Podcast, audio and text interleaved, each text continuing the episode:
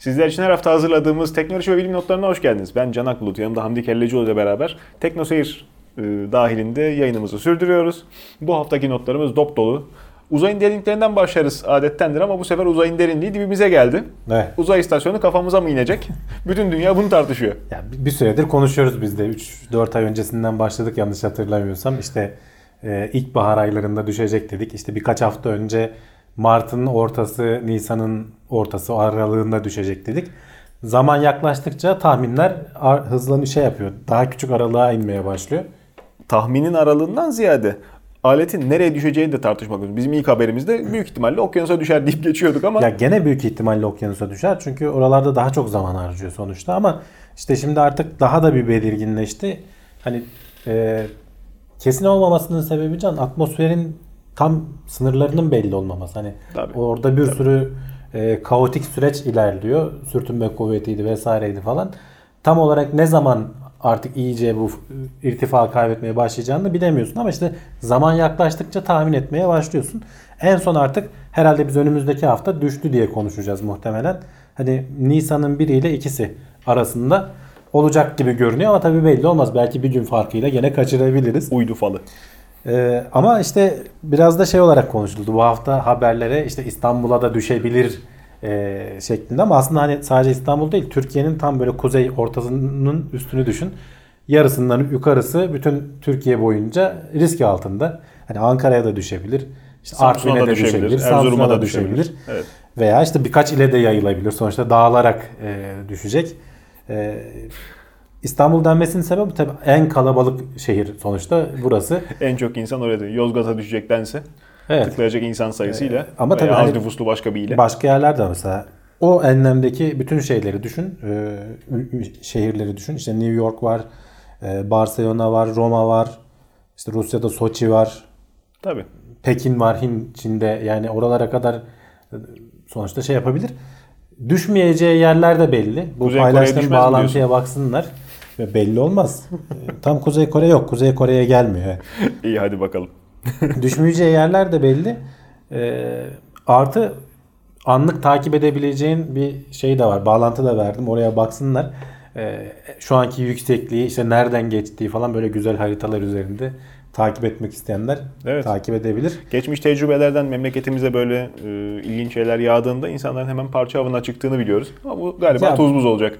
Yani muhtemelen tabii ki hani sonuçta tonlarca ağırlığında bir alet ama hani dağılarak e, ve yanarak inecek. Hani bilim insanlarının söylediği yani 100 kilo ağırlığında parçalar düşme ihtimali var. İhtimal Hani var tabii. insanların olduğu bir yere gelirse de ciddi Krater can açar. kayıplarına falan neden olur. Artı üzerinde işte zehirli olabilecek roket yakıtı türünden şeyler var. Onlar hani yanmaz da işte yere kadar ulaşmayı başarırsa e, Onlar hep küçük de olsa yani gidip de hemen başına ellemeyin. O oradaki çıkan dumanı solumayın falan gibi uyarılar yapıyorlar. Evet. Hani zarar görmediysen bile aa buldum diye alıp koşma diyorlar ama tabii daha çok şey yapılmıyor. Bizim ülkede hani yetkililerin ben bir açıklama yaptığını falan görmedim. Eminim birileri takip ediyordur da başımıza gelmeden herhalde şey olmayacak. gündemin önem sıralamasında henüz geri planda. Biz bakalım haftaya Bakalım. görmüş olacağız artık. Sona yaklaştık iyice. Biz bir şeylerin görmek için sona yaklaşmasını beklerken bir başka sabırsız kendini uzaya fırlatmış haklı olup olmadığını göstermek adına Çılgın dünyanın, Mike. dünyanın düz olduğunu iddia eden dostumuz kendisi bu devirde hala. Vallahi öyle insanlar var. Hatta ben görmeden inanmam diyor bu amcamız. Evet. Ee, Görmüş mü? Mike Hughes gene görememiş ama biliyorsun onun e, hatta biz ekledik mi yoksa ben eklemeyelim diye vaz mı geçtim? Bir fırlatma çabaları vardı kendi yaptığı roket. E, hükümet kurumları izin vermedi hani insanların olduğu bir alanda Vazgeçtik yapmaya. diye Adam evinin arka bahçesinde yapmaya kalkınca Tabii. yok dediler.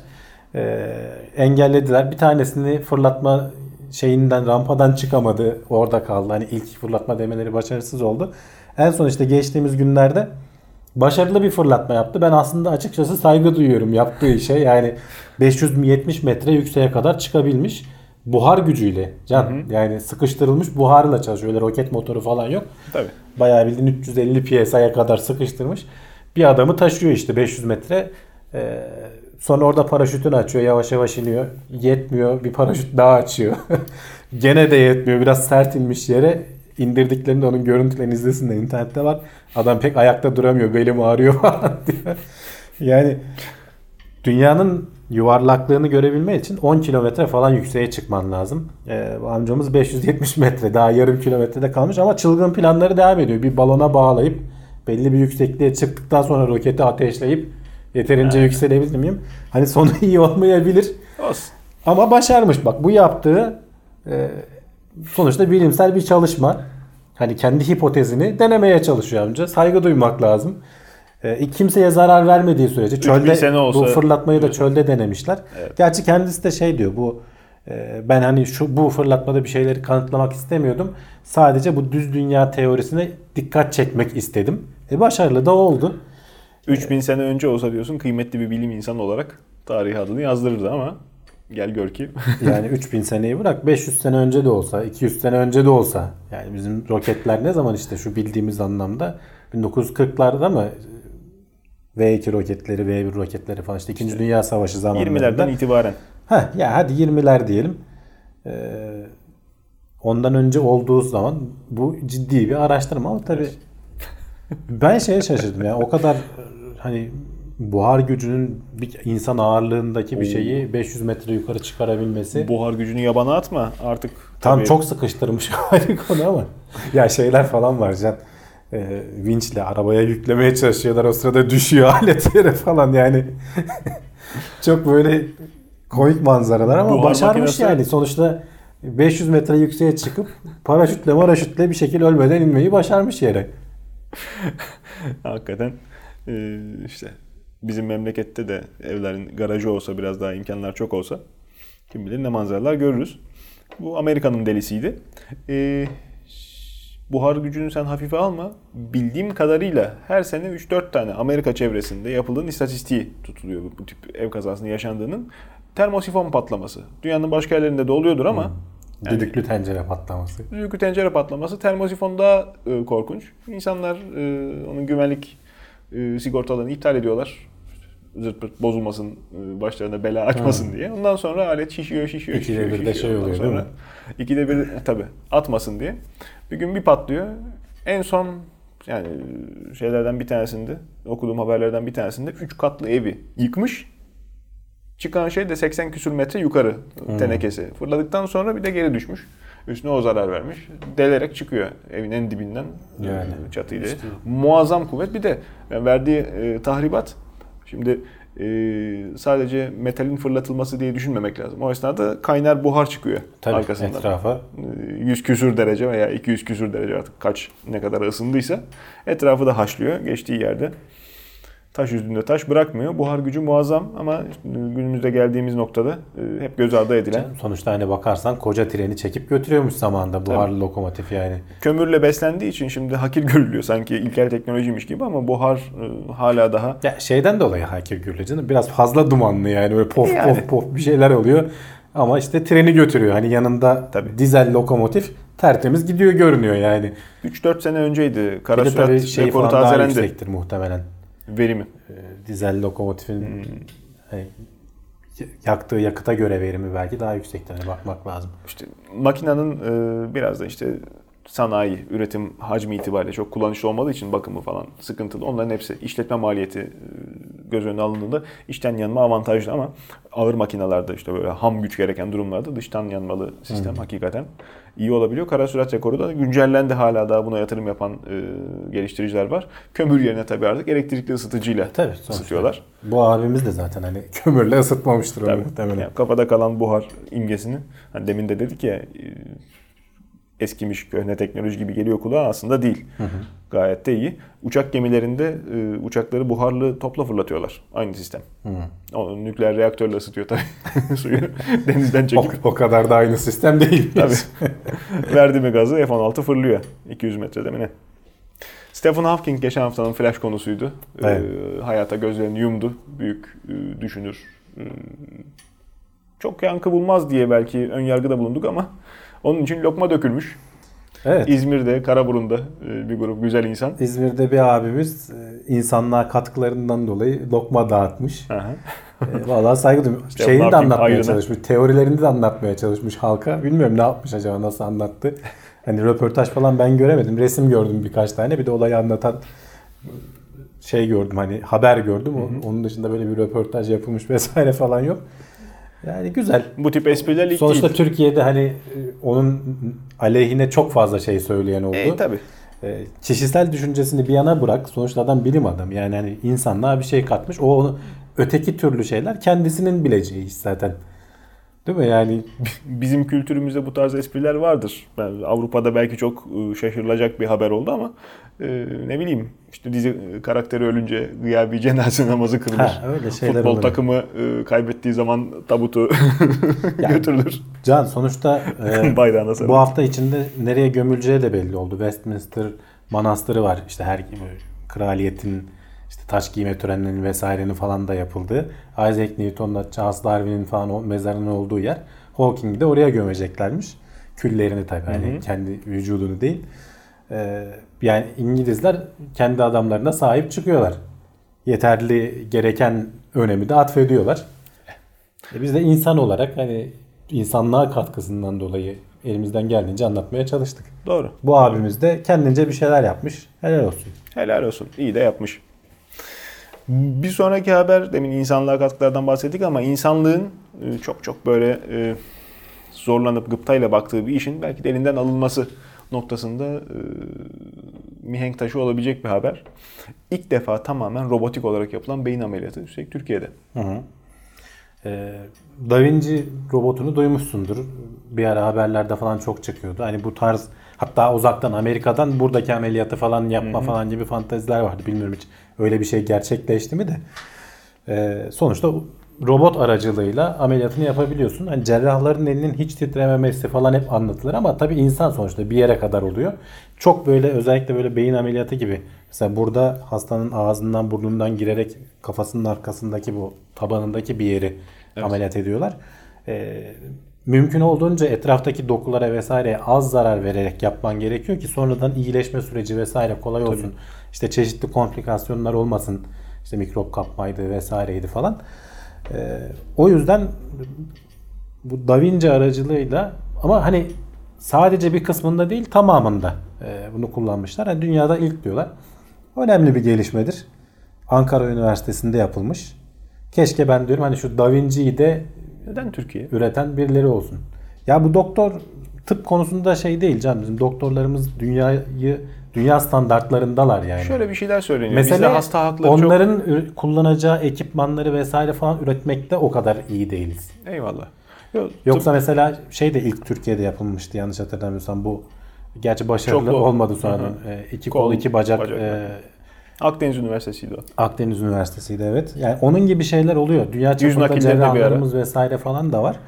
Ee, ama işte onların kullandığı alet edevatı yapacak mühendislik Evet. başarısını o kadar gösteremiyoruz. Onlar da var ama işte Da Vinci'nin robotu Da Vinci oluyor ismi. Hasta hakları çok e, iyi kovalanamadığı, yani olur da bir sağlık kuruluşu e, sebebiyle mağduriyet yaşanırsa hasta sonrasında çok fazla tazminat talep edemediği için mi? Yok ben zannetmiyorum. O Buraya konu, kayıyor. ben, ben öyle olduğunu düşünmüyorum. Çünkü o da bir söylenti. Yok tabii ki hani öyle bir söylenti olma ihtimali var da Türkiye'de o kadar şey değil ya. Üçüncü Dünya ülkesi değil sonuçta dava açılabiliyor bir sürü. Hani ciddi tazminatlar alınabiliyor son zamanlarda. Örnekleri de var. Kaldı ki bu e, tarz operasyonlarda vatandaşın izni de alınıyordur. Yani hastanın izni alınıyordur. Tabii. Hani seni böyle bir operasyonla şey yapacağız. Artıları da söylenir, eksileri de söylenir. E, e, başarılı olursa zaten hani bunun artısı daha fazla. İki günde ta- taburcu etmişler ya. Yani beyin ameliyatı Muazzam. gerçekleştiriyorsun, tümörü alıyorsun tamamen. İki günde taburcu oluyorsun. Yani. Muazzam. İşte e, bütün insanlığın gıptayla baktığı çok hassas cerrahi belki de bundan sonra insanların marifeti olmaktan bir adım geriye çıkacak. E, Robotik cerrahiyle kim bilir daha ne e, Belki işte yapılacak. zamanı gelecek tamamen kendi başına takılacak. Yani Uzun vadede. öte yandan şimdi bir grup insan bunlarla uğraşırken bir başka grup daha geniş bir grupta e, farklı bir tedirginlik e, içerisinde Facebook kullanıcıları kapatmalılar mı e, hesaplarını ne yapmalılar? Bir söylentiler gidiyor.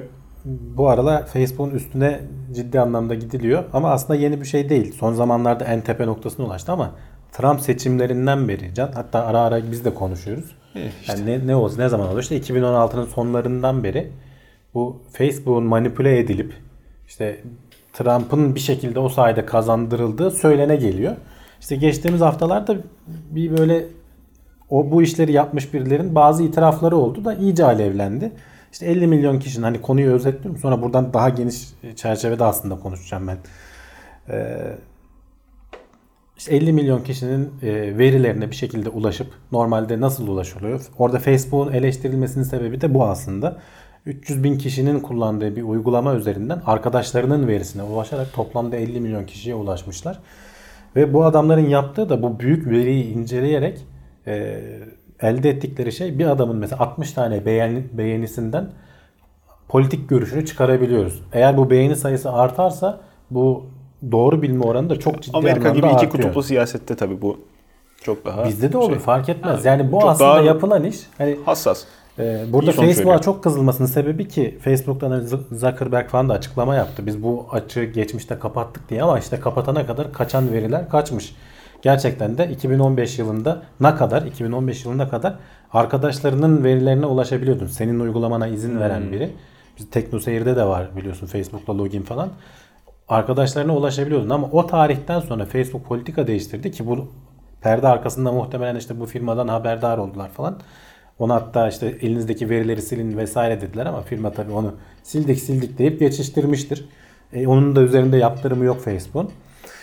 Üstünü kapattılar hani olay patlayana kadar. İşte patladı günümüzde. Zuckerberg çıktı işte şey dedi. Biz işte verilerinizi yeterince gizleyemiyorsak hak etmiyoruz falan filan vesaire ama tabii insanlar hani ne kadar bir hareket de çıktı bu işte Facebook silelim hareketi. Kaç haftadır konuşmuyoruz. Elon Musk da gündeme gelmeyi hemen başardı. Evet. Reklam fırsatını bulunca. Evet. Ee, Facebook mu o da ne falan dedi önce. Sonra bir Türk e, erkek sen işte SpaceX hesabını silersin dedi. Sayfasını silersin dedi. Facebook sayfası varmış. Adam onu da sildi. Tesla'yı da sildi. Zuckerberg de bunların arasında ciddi bir sürtüşme var bu arada. Hani farkındaysan geçen haberlerde şey konuşmuştuk. Ee, yapay zeka ile ilgili falan Zuckerberg ya o kadar da sorun olmaz falan Hmm, demişti. doğru. Ee, Elon Musk da e, Mark bu konuları bilmiyor. Bu konulardan pek anlamıyor falan gibisinden açıklamalar yapmış da ondan öncesi de var. Hani böyle hep karşı geliyor, karşılıklı geliyor. Elon Musk burada fırsatı kaçırmadı. Reklamını da yaptı. Gene günlerce onun, o şeyi konuşuldu. Bu olayı konuşuldu.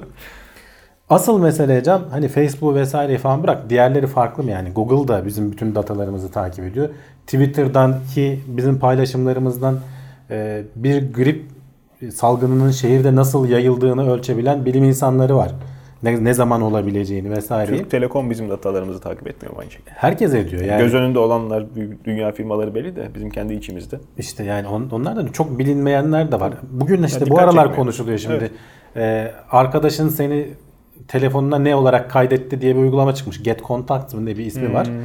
Kendi böyle bilgilerini veriyorsun sen Hmm. Tabii, tabii. Aa, işte Can seni bilmem ne diye kaydetmiş diye sana söylüyor. O arada senin bütün telefon bilgilerini Tabii alıyor. İşte Ve o havuzdan insanlar zaten buna söylüyor, düşüyorlar. tabii.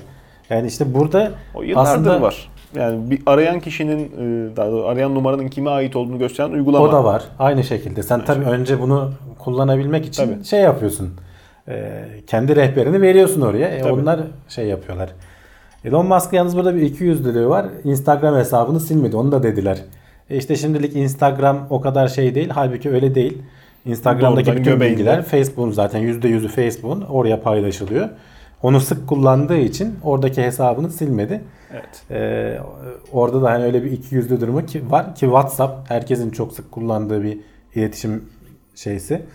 Şimdi buradaki mesele Facebook'u silmeli miyiz? Ne yapmalıyız? Bunlar biraz can aslında günümüzdeki bu işte bak yapay zekanın, işte makine öğreniminin, e, büyük veri, big data diyorlar ya bunların işlenmesinden elde edilen e, veriler vesaireler, sonuçlar kimin olacak? Bu verileri kimler işleyebilecek? Bunların daha standartları, regülasyonları dünyada yeni yeni oturtuluyor. Akıl almaz bir şeydi çünkü. Yakın zamana kadar insanoğlunun asla yapamayacağı belki de öngörülüyordu Tabii, tabii. ama işte algoritma, çöz zaten, tabii, algoritma yani. çözen yapay zeka hızlanınca olmaz denen şeyleri cart diye çıkarıp masanın üzerine Ve koyuverdi. senin düşünemeyeceğin şekilde. Yani öyle şeyleri öyle bir şekilde ilişkilendiriyor ki hani kapalı kutu diyoruz ya. içinde ne yaptığını bilmiyoruz biz o zekanın. Doğru.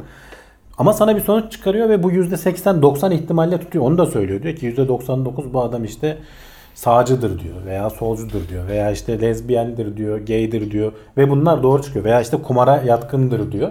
Sen firma olarak bunu manipüle edebiliyorsun. O adama kumar reklamları çıkarıyorsun.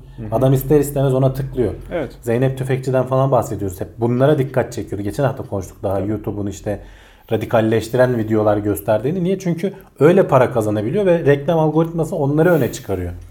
Bunların işte bir şekilde dizginlenmesi lazım. Bu yeni bir teknoloji.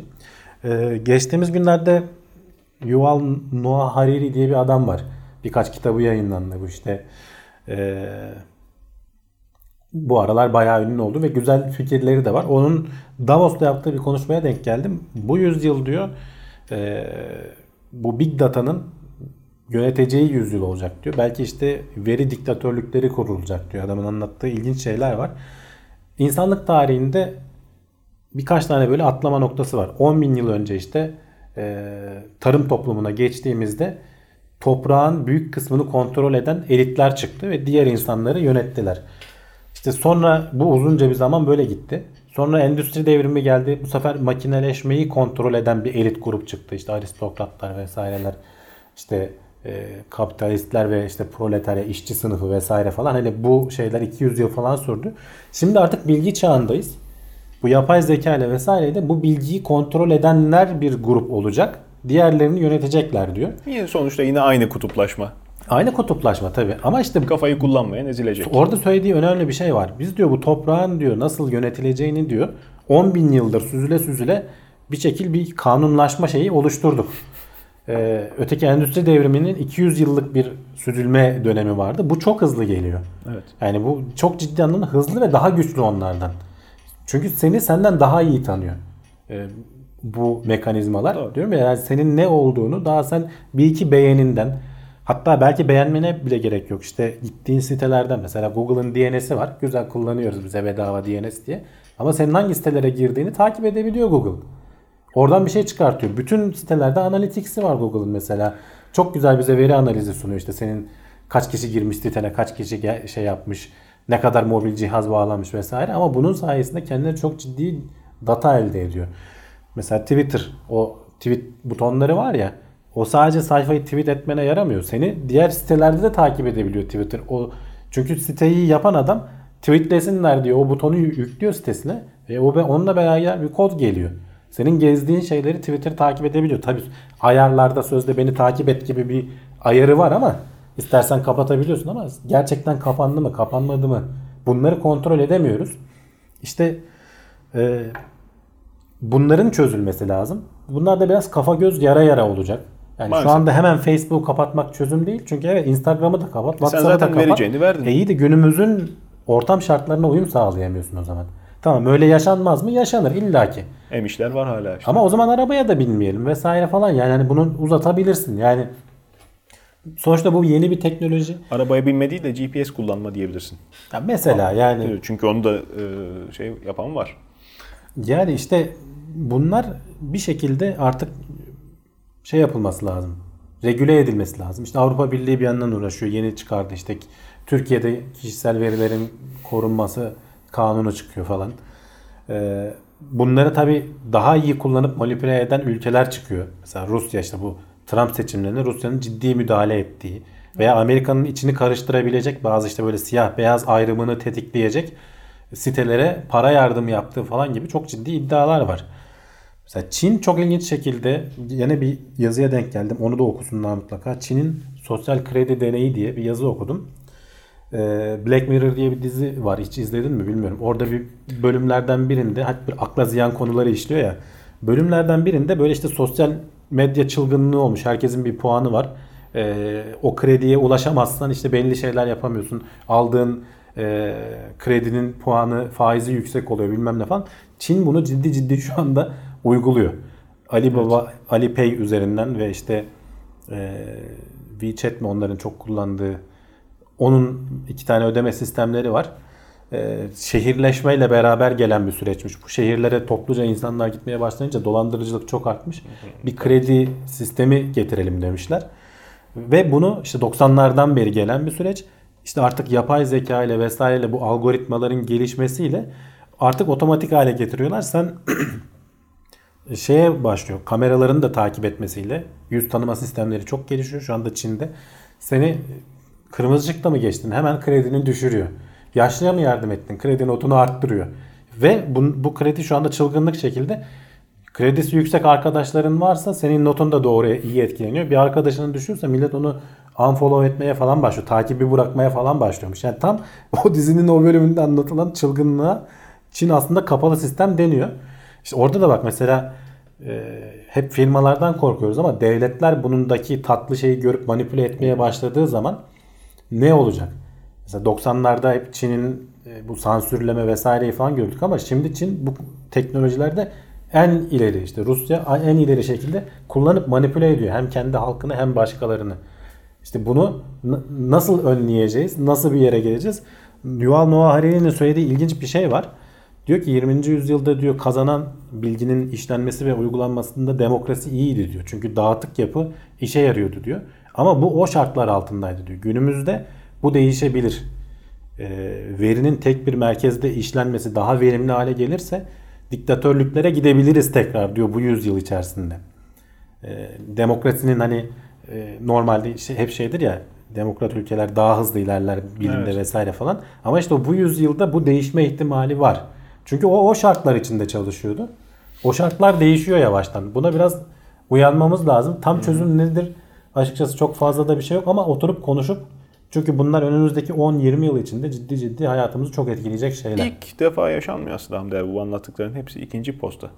Ee, İkinci, Geç, üçüncü post hatta tabii, belki yani. Daha geniş, daha şiddetli yaşanıyor belki. Etkisi daha... E, biz olaya çok e, rahat seyirci olabildiğim için bu kadar çarpıcı geliyor. Geçmişte televizyonun, işte basın yayın organlarının da en çeşit manipülasyona aracı olduğu aşikar. Hep zaten ellerde oyuncak, e, reklamların işin içine girmesi belki hani biraz perdeliyor biz sanki sadece sermaye sahipleri iş yapıyor gibi bakıyoruz ama hayır e, basın pekala da e, en başta devletin e, kontrolünde, devletin güdümünde yayın yapar. Onun çizdiği sınırlar dahilinde bir şeyleri e, alıp verir. Ya bu Facebook olayında can tartışır. mesela bu Cambridge Analytics mi Analytica mı öyle bir firmadan bahsediliyor hep. Adamların yaptığı aslında normal hani eski tip anketörlerden çok da farklı değil. Adam böyle sadece çok nokta atışı. İşte, yani herkese doğru şeyi vermeyi başarıyor. Artık sadece Sen insanlar olayın merkezine daha yakın hissediyor kendini belki. Çok daha rahat Etkilendiğini hissediyor. Hayır evet. bir şeylerin geldiğini de hissediyorlar ama tam olarak isimlendiremiyorlar bence. Çok. Yani biz bir şekilde yönetileceğiz veya güdüleceğiz hissi geliyor insanlara. İşte evet. biraz uyanmak lazım. Paniklemenin bir anlamı yok. Ee, ama işte gene Yuval Noah Harari'nin dediği bir şey var. Sen adama diyor mesela şimdi saatleri falan takıyoruz bak şimdi bunların hepsi e, sana sürekli biyometrik verilerini falan takip edip tabii, tabii. bir yerlere rapor ediliyor bunlar. Tabii. Bir yerlerde tutuluyor. Adam yarın öbür gün sana e, sağlığınla ilgili bir hizmeti sunarken sen bu saati takmıyorsan iki katı fiyat diyebilir sana. Ve haklı da olabilir işin kötüsü. Çünkü o saati Kendi haklı zaman, göstermek istediği zaman avukat ordusu hayır, var. Bunlar hep böyle güzel şeyler altında geliyor. Mesela Çin'de de bak dolandırıcılara karşı bir ihtiyaç doğmuş. Adamlar da çünkü kapitalizme biraz geç geçtiler biliyorsun. Hani bütün e, internet sansürlerinin çıkışı da bizim memleketimizde çocuk istismarı değil miydi? Heh, mesela yani çocuk istismarı işte kimsenin itiraz edemeyeceği altında, bir şey söyleyince tabii başka yerlere de o sonuçta e, yarıyor yani o tabii, şekilde gidiyor. Tabii. Ya işte bunları bilmiyorum hani genel gidişat güzel görünmüyor. Valla 40 sene önce de çok farklı değilmiş galiba. 50 sene önce de çok farklı değilmiş ama bir şeyler bugün bizim gözümüze sokularak yaşanıyor. Biz biraz, biraz daha, daha kendimize hızlı ve daha tehlikeli evet. oluyor. Yani yine çok fazla şeyin en azından bizim içinde bulunduğumuz coğrafya için değişeceğini zannetmiyorum ama e, dünyanın belki de kaymak zamanı bitiyor gibi. 1960'tan görünüyor yani. beri gelen işte barışın efendime söyleyeyim e, işte belli bir şey için tabii bölge için e, refahın maksimumda olduğu, insanların mutlu mesut e, kardeşlik içinde yaşadığı çağ belki de ben şeyi bekliyorum can. Bitiyor. Çünkü dünya barışı hiçbir zaman bu kadar uzun sürmemiş. Yani dünyanın yani o da tırnak her tarafında ne kadar her tarafında sürdü. kan gövdeyi götürürken belli bir zümrenin ee, mutluluğundan Ben Çin'den şeyi bekliyorum şimdi bu hani azınlık raporu filmi vardı ya Minority Report diye. Evet.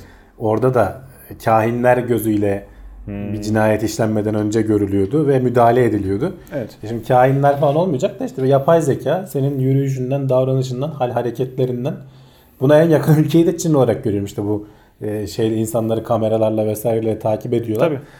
E, daha sen suçu işlemeden adamlar sana müdahale edecekler. Orada çok ciddi etik tartışmalar var. Yani edilmeli mi yoksa suç işlenmeden edilmemeli mi falan.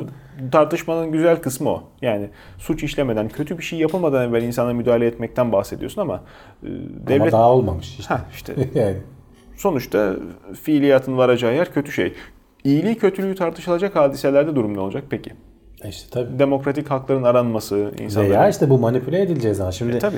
bu yazıda Çin'in o sosyal kredi deneyinde e, başına hani kötü şeyler gelen de var. Çünkü bu bürokrasi devlet mekanizmaları çok düzgün işlemiyor. Sonuçta Hmm. Ya, tabii. bir hakim senin hakkında icra kararı veriyor. Mesela orada bir adamın başına gelmiş. Sen paranı ödüyorsun ama yanlış hesaba gönderiyorsun tamam mı cezayı. Adamın kredisi bir düşüyor. Otobüse binemez hale geliyorsun. O kadar yani seni sosyal hayattan dışlıyor. Sorduğun zaman işte kötü davranan insanları sosyal hayattan atacağız. Tamam güzel hani hapse atmak falan gibi benzer bir şey. Ee, toplum yaşamından sorun yaşıyorsun ama yani bir bisiklet kiralamadan tut da araba kiralamaya kadar e, bu işte Amerika'ya şey Çin'e gidip de bu uygulamayı kuran biri var. Bisiklet kiralarken diyor ki sen 500 puanın altındasın 30 dolar kapora vermek zorundasın. Yani güvenmiyor sana sistem. Tamam sonra yavaş yavaş arttırıyorsun işte. Bir de seni gaz veriyor işte. Daha iyi yapabilirsin, başarabilirsin falan. İşte bunlar ama bir yandan da hep takip edilmeni sağlıyor. Tabii. O verilerin işlenmesi şeyi de söylemiyorlar tabii. O puan nasıl hesaplanıyor? Nasıl hesaplanıyor? Yani o işin gizliliği orada. Hamili kart yakınımdır diye acaba birden birkaç milyon kredi geliveriyor İşte mu? sonuçta devlet orada çok güçlü. Ee, şeyi e, firmaları da etkileyecek güçte. E işte. İşte işine gelmeyen adamı belki bir anda ortadan kaldırıverecekler. Sen hiçbir şey yapamayacaksın yani. Yani adam gelip öldürmeyecek de seni öyle bir köşeye sıkıştıracak ki Ölmekten otobüse beter binemez edecek, hale tabii. geleceksin yani. Evet. Bir taraftan dünyanın çarpık düzenini bir kere daha masaya yatırıyorken öbür tarafta da bizim memleketimizde çok ciddi tartışma konusu yakın zamana kadar. Şimdi biraz küllendi galiba. Yok yok daha yeni hafta sonu olaylar oldu. gündemden düşüyor gibi düşünürken o kadar da düşmemiş. Uber. Ama Uber bu sefer sürücüsüz taksi filosuyla gündemde. Evet. Sürücüsüz otomobiller sık sık e, her defasında söylüyorum gündeme geldiğinde ne kadar güvenilir. Başına bir kaza gelene kadar. Şey işte bir kaza geldi. Yani sonuçta deneme sürüşündeler bunlar hep hala. E işte. Kamu otoritesinden Bir izin can- alarak yapılıyor. Bir can Ee, kayboldu. Evet Amerika'da birine çarpmış. Ee, Arizona'da yanlış hatırlamıyorsam. Ee, 49 yaşındaki bir kadına çarpıyor ve ölümüyle sonuçlanıyor kadının. Ama hani görüntüler falan da paylaştım. Sonuçta aletin her yerinde kameralar falan var. Ee, normal bir insan da sürse o kadına çarpma görünmüyor çünkü. Benim şaşırtan nokta şu Can. Ee, bu aletlerin yani her hepsinde olmayabilir de gece görebilen sonuçta e, lazer radarları, lidar falan diyorlar ya bunlarla donatılı değil herhalde Uber'inkiler en azından. Donatılı. Çünkü görebilmesi lazımdı. Donatılı görmez. Yani önüne, çam- karanlıkta hakikaten bir anda çıkıyor karşına pat çarpıyorsun. önüne çamur sıçrar görmez. Sensör kirlenir görmez. Soket gevşer görmez. Aracın e, kendi e, fiziksel hasar alır kablo bağında bir sıkıntı olur görmez. Bunlar en nihayetinde hani en e, beylik tabiriyle Allah yapısı değil kul yapısı Ya- cihaz. ya tabii ki öyle de işte- Sürücünün orada rolü işte, hava yollarından her zaman e, örnek alınıyor. E, zaten şimdiye kadar da reçetenin çok e, sıkıştığı yerde yine popüler e, baskıyı kullanarak Elon Musk e, sürücüleri kendisini riske atmasını sağladı. Dedi ki arabalarınıza gizli özelliği açtık. İsterseniz kullanıp gözlemleyebilirsiniz otomatik pilotu. Bu şekilde insanlar gönüllü olarak bu ağır baskıdan sıyrılmış oldular. Yine modern çağın getirdiği enteresan bir e, kültür farkı. Yıllarca e, havayolu şirketleri pilottan vazgeçmeye çalıştılar ama otomatik pilota her şeyin otonom olduğu sisteme rağmen uçak düşerse hala da pilotaj hatası denebiliyor. Pilotun pilotaj hatası sorumluluğunu almak için orada oturduğu gerçeği de var. Tabii ki tamamen öyle değil ama bu hatırı sayılır bir e, yüzde. Şimdi Ama sonuçta ateş düştüğü yeri yakar. Sen arabalarda e, o sürücüyü tamamen kaldırmak hedef. Yani hani saçmalık olmaz öyle şey. direksiyon olmayacak yani adamların Ol- şeyi o. Olmaz öyle şey. Ona tramvay deniyor. Tabii uzaktan olacak. Yani uzaktan kontrol o. ediyor. İşte hedef o da hedefin e, ulaşılması için, hedefe ulaşılması için öncelikle aşılması gereken e, barem algı. Bu aletler işte, otomobil bugüne kadar geldiği kültürel haliyle sürücüsüz hale getirilemez. bambaşka bir konseptin Başka bir şey oturtulması lazım. O da dünyanın sadece sınırlı yerlerinde yapılır. Dünyanın geri kalanına ulaşmaz. Offroad diye bir kavram var. Offroad aracını sen nasıl e, güzergahçılayacaksın? Hayır canım, Patika çökmüş kenarda. canım. Ama mecbur. e, işte bizim memleketimizde de kar yağıyor, yol kapanıyor. Adam yol olması gereken yer inmiş, e, yol vasfını kaybetmiş. Etrafından dolanıyor. Dereden geçiyor, donmuş dereden geçiyor icap ederse. E, Dünyanın yarısından çoğu bunu yaşıyor. Her e, senenin hatırı sayılır kısmında. Dolayısıyla hani bunlar Kaliforniya'nın bilmem neresinde konuşmak için Şehir için güzel ama şey olmak için evet. Şehir içinde de baktığın zaman araba kullanım kültürü, el değiştirme kültürü. Şimdi e, sıfırken otomobillerin e, otonom sistemleri çok iyi çalışıyor. Bunlar pahalı da parçalar. Belli bir süre kullandıktan sonra sen bunların bakımına acaba bütçe ayırabilecek misin? Sürekli araba yenilemek mi isteyeceksin? Yani ne kadar güvenilir? Şimdi o kadının yakını olduğunu düşün. Sorumlu kim? Valla şeyde sonuçta hani polis falan rapor tutuyor. Kadın yaya geçidi olmayan bir yerden karanlıkta geçmeye çalışmış. Yani onun da insan da olsa diyorum ya muhtemelen o kaza gerçekleşirdi. Orada ama sen de haklısın da benim bence düşünülmesi gereken şeylerden biri de ki hani haberde de aslında biraz bahsediliyor. Ee, insanlı sürücülerin yaptığı kazalarla insansızların yaptığı İnsanlı sürücü dedim. Hoşuma ee, gitti. yani işte insanların yaptığı kazalarla sürücüsüzlerin yaptığı kaza oranlarını karşılaştırmak. Eğer bir tanesi diğerine ciddi fark atıyorsa senin dediğin geçerli olmaz o zaman. O anketleri çok güzel e, kaynatırsın. Ya anket değil bu canım. Şey- veri yani. İşte veriyi ölçüm yapma şeklin senin istatistiğin zaten güzel tarafı o. Yo neyle nasıl kaydı, kaynatacaksın canım? Kaza Aldığı kilometreyle, trafik or kilometreyle işte kaza onu o şekilde veriyorsun. bakarsan o e, veriyi yanıltırsın. Sürücüsü otomobillerin sa- sebep olduğu kazaları nasıl gözlemleyeceksin? Trafik Türkiye'de biz bunu çok yaşıyoruz. Kuralların mükemmel işlediği, saat gibi çalıştığı pek az yer var dünyada. Oralarda senin dediğin sistem geçerli ama saatte 50 km hız sınırı var. Kim uyuyor?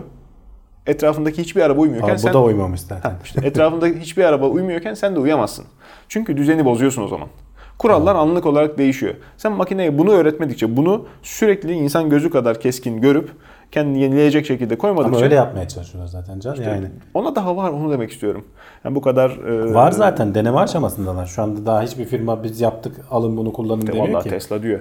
Tesla Yok bu. Tesla'nın da Önce, dediği o. önce Yani. dedi ondan sonra ellerinizi direksiyondan çekmeyin falan gibi Çekmeyin dedi, geri adım attılar. Çünkü otomatik pilot dediğin zaman bu sürücü yardımcısı olmaktan Tabii. çıkıyor. Algı olarak Yok zaten. yok tabii zaten olay otomatik pilot orada yanlış isimlendirme var bariz bir şekilde. Otomatik pilot dediğin zaman insanlar şey yapıyorlar, bırakıyorlar yani. Zaten E, tabii. Google mesela senin dediğin gibi e, insanları başına oturtup işte arada müdahale edecek şekilde başlamışlar proje. Sonra görüyorlar ki insanlar tamamen salıyor işini. Tabii ki. ipin ucuna bırakıyor. Tabii, tabii, tabii. Uyumaya falan kalkıyor. Tabii tabii. O zaman işi şeye çevirmişler. Hani tamam biz yapacağız full otonom olacak. Hiç insanın hiç olmayacağı bir hale getirmeden biz bunu ortaya salamayız. Yoksa insana güvenemezsin. İşte bak o da insanların içinde bulunduğu trafikte ne kadar e, güvenli olacak. Birbirlerini ne kadar güzel okuyacaklar. Trafikte her ne kadar şimdi sen soyutlamaya çalışsan da insanlı arabaya izin vermemeyi mi düşünüyorsun? Motosiklet ne olacak?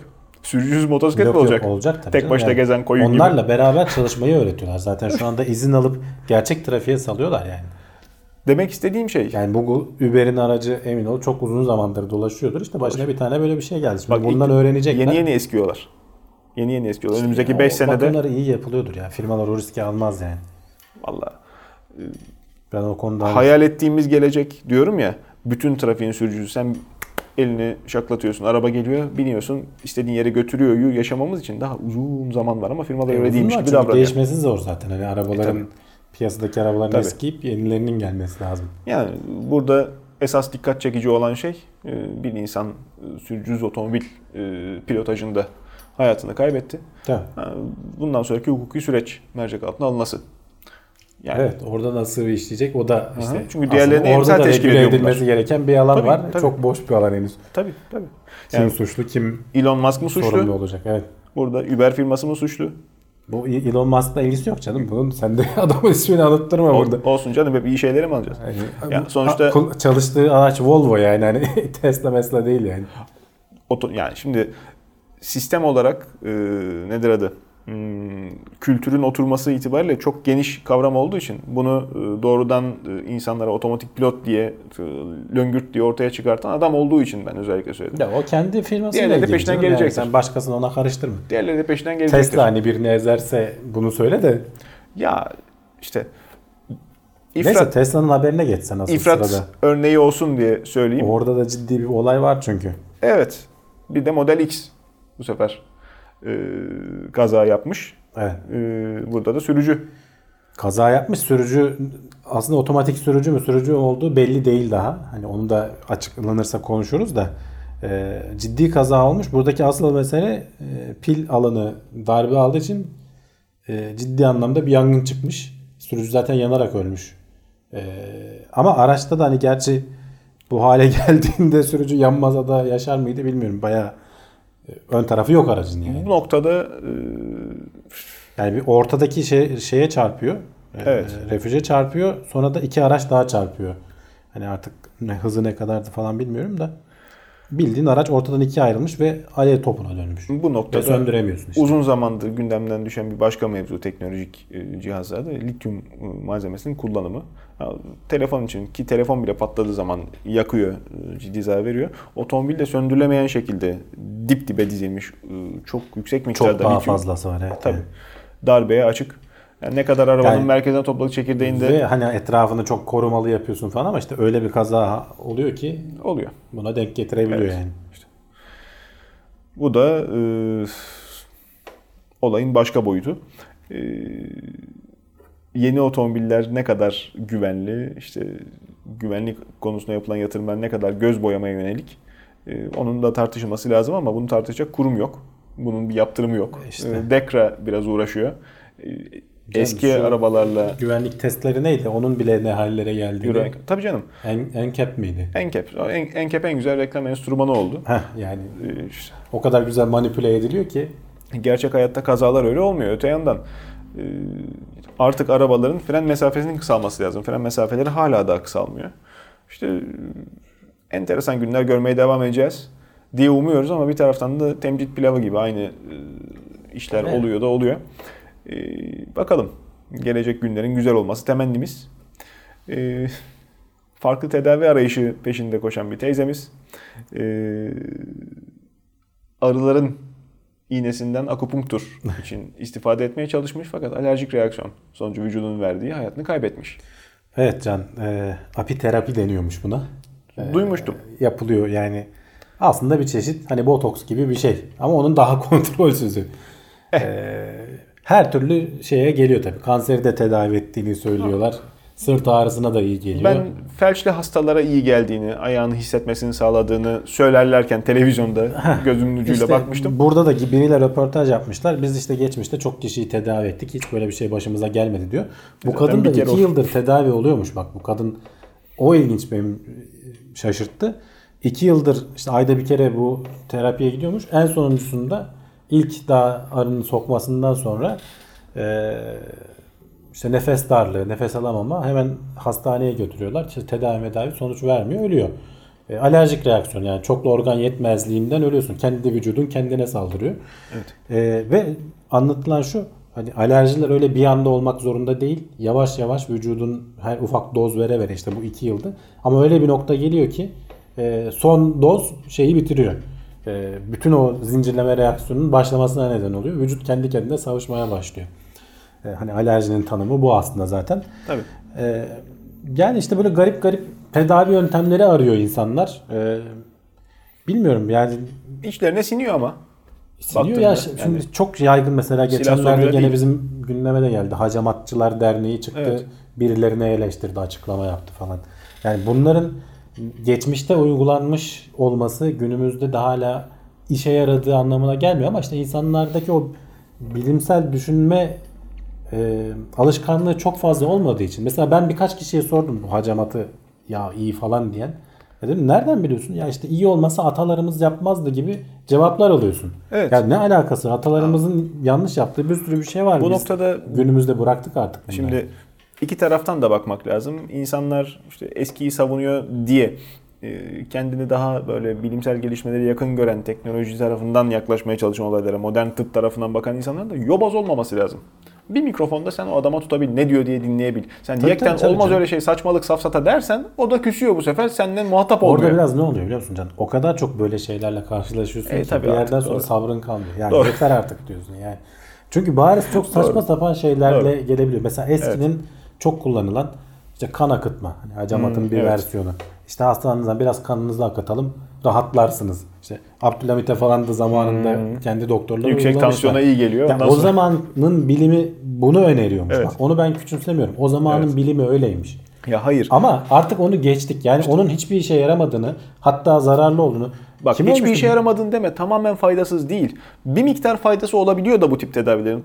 Bundan istifade eden Yok, insanlar da oluyor. Kanın akıtılması. Eyvallah, eyvallah. Kanın akıtılmasının hiçbir faydası yok. yani. Genel olarak işte arı sokturmak, akapunktur tedavisi veya işte başka yerlere hacamat da olur. Hani ne bileyim. Bundan istifade eden bir şekilde faydasını gören insan vardır ama zarar da görebilirsin.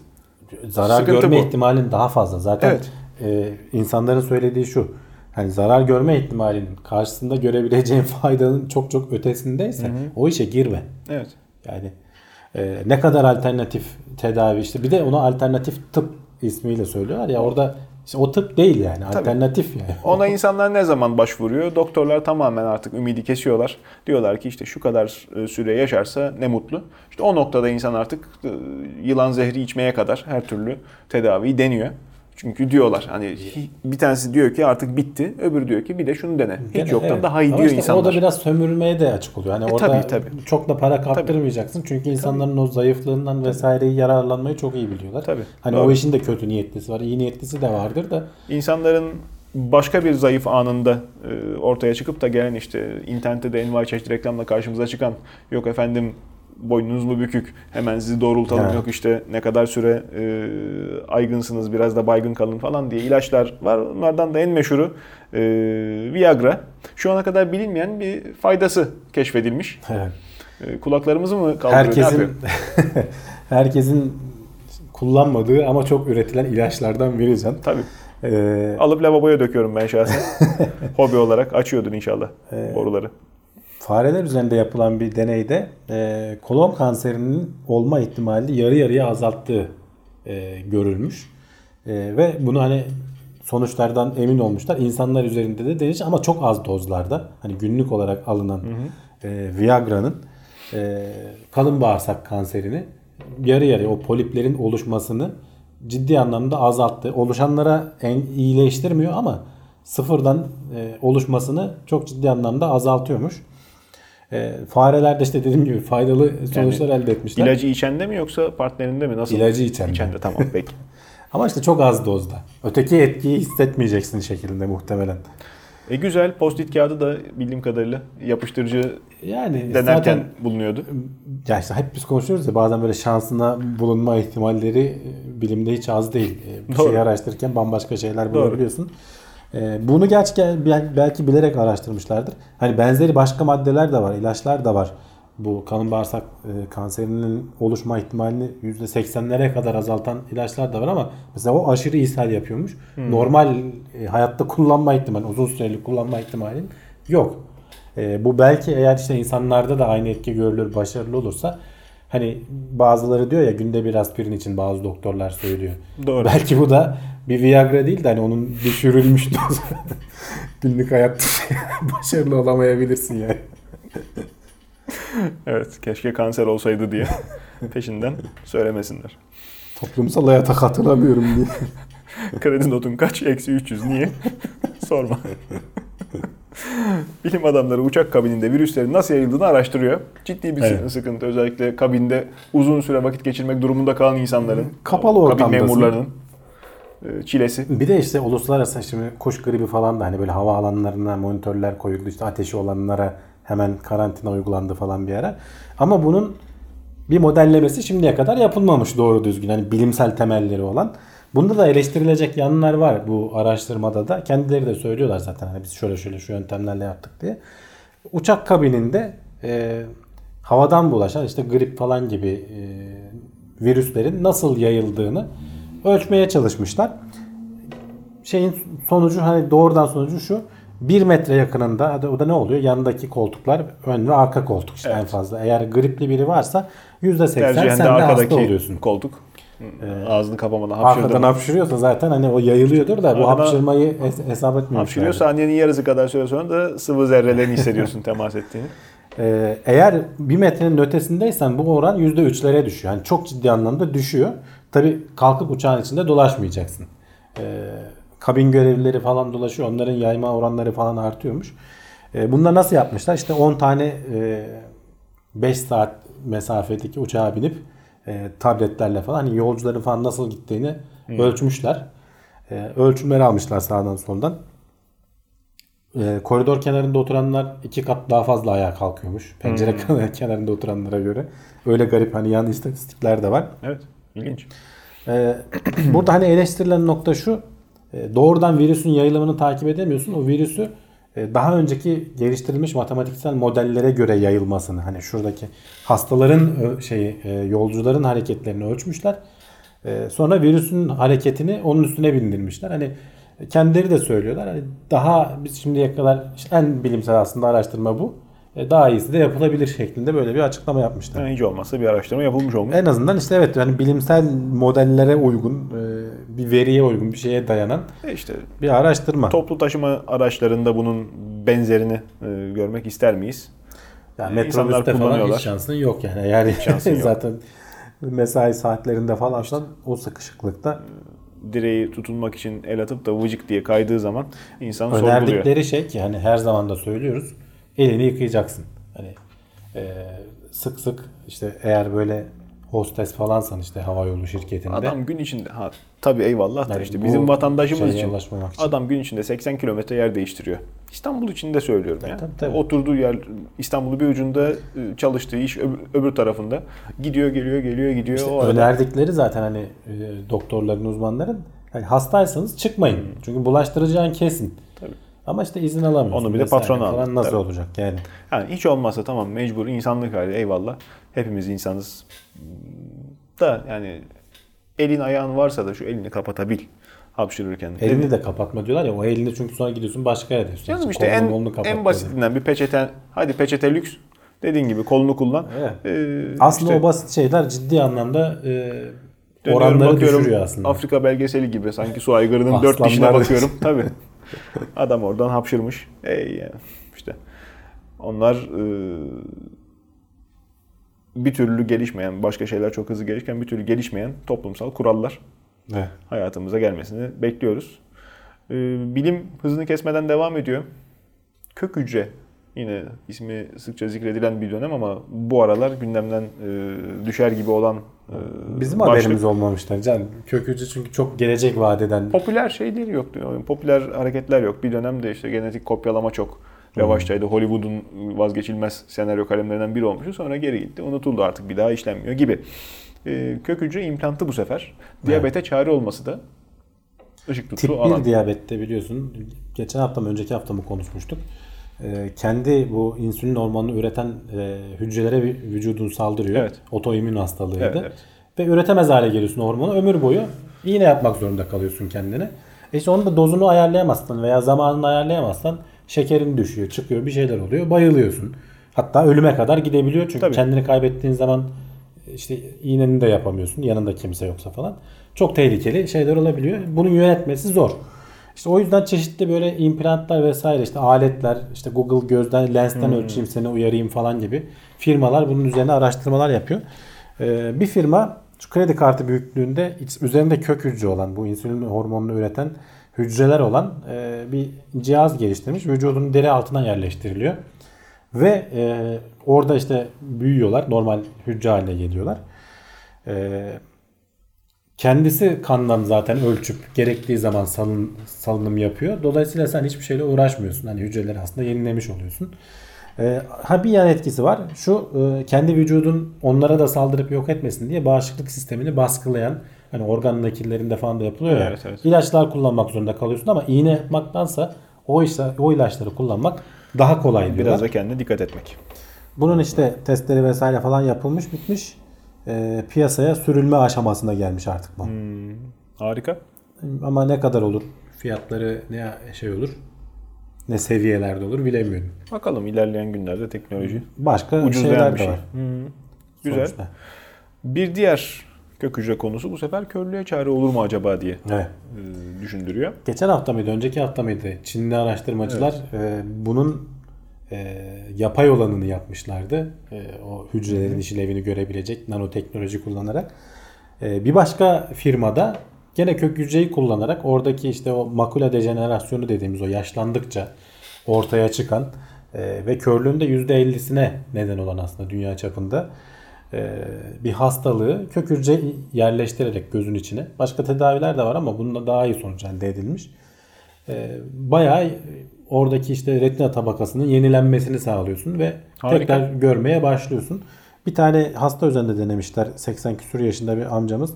Çok mutlu. Yeniden görmeye başladım diyor. Şimdi daha çok insan üzerinde deneyip e, onaylarını alıp onlar da piyasaya çıkmayı Vallahi hedefliyorlar. harika. Tıp konusundaki haberlerimizi de bu şekilde bitirdikten sonra üzücü bir haberle devam edelim. Bilinen son erkek beyaz gergedan hayatını kaybetti.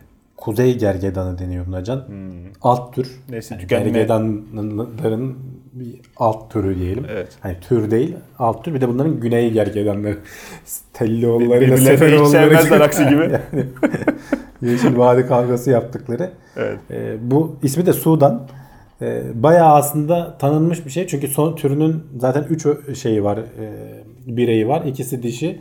e, bir de bu tek erkek. E, 45 yaşında ölmüş ki yani o- onların İyi bir yaş. ömürlerine göre uzun bir yaş. E, ama işte tür tamamen alt tür tamamen yok olmuş değil. E, dişler de yaşlılar. Hani onların da çocuk taşıma, bebek taşıma şeyleri yok yani ihtimalleri yok. Evet. Onların ama e, yumurtalarını almışlar. E, bundan da ölmeden önce spermlerini almışlar. E, Sudan'da ölmeden önce. Evet. Bir taşıyıcı anne güney e, yakasından, güney gergedanlarından bir taşıyıcı anneye bunları dölleyip yerleştirebilirsek e, bu türü devam ettirebiliriz diye uğraşıyorlar bilim insanları ama e, yaşlıların e, yumurta sayısı sınırlı. Orada da hani yumurtalar olmasa bile çünkü bu biliyorsun e, neydi tüp bebek her zaman tutmuyor. Bayağısını deniyorsun. Bazıları yok Doğru. oluyor, ölüyor vesaire veya rahime yerleştirdiğinde orada tutunamıyorlar falan. Hani bu bayağı meşakkatli bir süreç. Hani tutturamazsak e, deri hücrelerinden de gene kök hücre tedavisiyle bunları biz yumurta hücresine çevirebiliriz diyorlar. Ama sorun şu can e, her bir işlem 800 bin dolarla 10 milyon dolar arasında gibi bir rakam tutuyor. Evet. Orada da şey tartışmaları devreye giriyor. Etik tartışmalar devreye giriyor. Ya biz bunlara bu kadar para harcayacağımızda bu parayı başka hayvanlara mı harcasak? Yok olmakta olan başka hayvanlar da var. Hani bun, bunlar gitti. Artık bunlarla uğraşmayalım. Biz hedefimizi başka yere çevirelim diyenler de var. Daha doğrusu işte etinden sütünden pek istifade edilen bir hayvancağız olmadığı için Ya o ayrı bırakalım tabii. gitsin. Sevimli de değil o kadar. Ee, E işte bir pandaların tatlılığı yok bunlarda. Turist de çekmiyor. Kalsın. Bunu da işte e, gergedanların makus talihi boynuz e, ticareti Evet. kadarıyla soylarını tüketen e, işlem başlıca faktör. E, tabii yaşam alanlarının daralması da var. Yaşam alanlarının daralması hani önemli. Bir de tabii o işte boynuzu işte iktidarsızlığa iyi geliyor falan bahanesiyle Evet evet. Şey dedim, e, koca hayvanı sen küçücük bir boynuz için öldürüyorsun. Bağırsak polipine iyi geliyordur. Onun için evet. Bağırsak polipi desen kimse almaz can. o da yalan. Yani külliyen yalan bir şeye iyi geldi yok. O hayvancağızın Yok, yok, da tabii. boynuz değil zaten. E, kıl gibi. E, mantık itibariyle kemik değilmiş yani gergedanın boynuzu. E, kıl köküne benzeyen bir, Bir yapısı yapı. varmış? Evet. Onu da öğüttüğün zaman takdir edeceğiniz üzere hiçbir e, faydası yok. E, sıkıntılı. saçları koparıp iyi ediyorsun. Ha yani. evet varsa tabii. Bir diğer hayvan dünyası haberimizle gündemimizi noktalayalım. Köpeklerin sevimli mahluklar. Yani demin dedik ya gergedan sevimsiz. Köpeklerin o meşhur böyle merhamet dilenen suçlu, Suçlu bakışı, bakışı var, aslında suçluluktan gelmiyormuş. Evet. Ya insanların yani bu haberi şey için aldım. Bunu çevremde de hani çok görüyorum. Bazı belgesellerde de gördüm. Bu dönem Wikipedia'da da çok görmüştük. Ee, ya hayır şey olarak çok var. YouTube'u ara bu suçlu bakan köpek yani hani kızıyorsun sen odaya bir giriyorsun işte ayakkabı parça parça edilmiş. Kim yaptı bunu diyorsun böyle şey şey bakıyor. Suçlu Acaba kim? suçlu bakıyor böyle. Evet. Başka yöne bakıyor falan böyle. Çok sevimli görünüyorlar. Sen ona işte suçluluktan yaptı diye düşünüyorsun. Yani insan merkezli bakıp sen kendi duygunu onun üstüne yansıtıyorsun ama evet. hayvanın öyle bir duygusu yok. Ara bilim adamları diyor ki o suçluluk değil. Sen o ses tonuyla vesaireyle söylediğin zaman köpeklerdeki diyor en temel dürtü daha basit olan utangaçlığa göre daha basit bir duygu olan korkuyu tetikliyorsun. O korku gösteriyor hayvan sana ama sen onu tabii o bakış insan gibi düşündüğün için Bağdaşınca da e, utandı işte işte suçluluk duygusu vesaire falan diyorsun ama alakası yok. Ee, bir ara National Geographic'te bayağı vardı Sezar Milan'da köpeklere fısıldayan adam diye. Evet evet. Onun ilginç. O da mesela hep şey Kaç diyor. kişinin elinin ayağının parçalanmasına ön ayak oldu o abi. Kendi de parçalandı. E, tabii. Onun sahiplerine söyledi. Görüp kendi de yapınca. söyledi. Ben köpekleri değil sahiplerini tedavi ediyorum diye. Evet. Köpeğinize köpek gibi davranın. O diyor köpek insan gibi davranmayın. Sen ister istemez ona bir çocuk gibi davranıyorsun. İşte hani üstüne giydirmeler bilmem neler. O bucuk bu da yapmalar falan. İtliğini yapıyor ondan Hayvan sonra. öyle bir şey istemiyor. Onun diyor köpek gibi davranılmaya ihtiyacı var. Çünkü o köpek diyor adam. Bunu anlatıyor bayağı şey. Burada da o geldi aklıma. Köpeklere köpek gibi davranalım Can. Bu onların doğasında. Tabii köpek gibi davranmanın da altını çizmek lazım. Birçok insan hani bizde de hakaretamiz ifadedir köpek gibi. Köpeğe dahi nasıl davranacağını bilmediği için arabasının arkasına bağlayıp süren mi ararsın, e, boy Onları- boy odunlarla e, terbiye ettiğini zannedip kafasını yaran mı ararsın? Ya orada O yüzden- o tür şeyler hayvanlara eziyet e, konusu Türkiye'de ciddi problem. E, çünkü doğru düzgün cezası yok. Yani kanunu yok. Yasada olmadığı için de ceza veremiyorsun. İşte Ona işte biraz ön ayak oldular. Bu, Bu tip aralar olaylarda- meclisten öyle bir şeyler geçmek üzere sanırım. ya geçiyor da işte Sahipli uygulamaya geldiği zaman mal olduğu için sahibi şikayet edince bir cezası vesairesi var ama sahipsiz hayvansa can hiçbir şeysi yok yani. Antalya'nın bilmem ne köyüydü. Yanılıyorsam zaten e, uzun zaman geçti üzerinden affınıza sığınarak anlatıyorum. E, bir köyün muhtarı e, son kalan başak cinslerinden bir tanesini öldürmüştü. E, hemen de tabii etrafa çağırmışlar fotoğrafını şeyini çekerken. Ya tabii sen niye öldürdün bunu diye bu sefer iş Tabii. şeye vardı. Hani Ya o koruma soruya. altında olanlar ayrı. Ya hayır adam diyor ki canavar bana saldırdı. Canavarı öldürdüm diyor. Onun, onun cezası farklı ama koruma Ama yani alınmış türleri. sonuç bak sorun şeyler O bir yaşıyor. örnek. Yani bu adam bunu zevk için öldürdüm demiyor. Hareket ediyordu ya e, eşime dostuma göstereyim diye tabii, öldürdüm demiyor. Diyor ki bana saldırdı bu kadar basit. Ölü hayvan Yani- kalkıp da ifade veremiyor ki. Saldırmış da olabilir bilemezsin orada hani İşte bilemiyorsun. gerçekten öyle bir kendini Köpekten koruma de. amaçlı da Tabii. olabilir. E, Korkan insan da şimdi yılandan da korktuğu zaman yılan 50 metre öteden geçiyorken fark edince burada ağzı köpüren insan var. İnsanlık hali. Şimdi o adam dese ki yılan bana saldırdı. Doğru. E, o- o da yalan söylemediğine inanarak e, bir şeyler yapmış oluyor gibi. Yani e, hayvana değer verilmesi en azından bir takım insanların Ya en çok ama işte karşılaşılan e, hani insanın hayatında daha çok olan işte köpeklerde oluyor. İşte bir ara adalardaki atların çektiği Evet, eziyetler tabii. vesaire falan Tabii. onlar bahsediliyordu. Hani daha çok içli dışlı olduğumuz Oo. hayvanlarda sorun daha temel. öyle. Öyle. İnsanlara zaten daha insan gibi davranan kaç kişi var ki? İşçi, işçilerinin sırtından ekstra kar elde etmek üzere. Değil mi? Heh, Vahşi kapitalizm diyor. Burada e, bugünkü gündemimizi noktalamış olalım. E, farklı haberler derlemeye devam edeceğiz. Bizi takip etmeye devam edin. Instagram hesabımız var, Facebook hesabımız var. Biz kapatmadık. E, Twitter'da da varız. Teknoseyir.com YouTube kanalımız Teknoseyir. E, iletişim için bizi takip edebileceğiniz adresler. Fevkaladelik olursa duyururuz. Videoyu beğenmeyi paylaşmayı da unutmasınlar. Evet evet. İyi seyirler. Şimdiden hoşçakalın.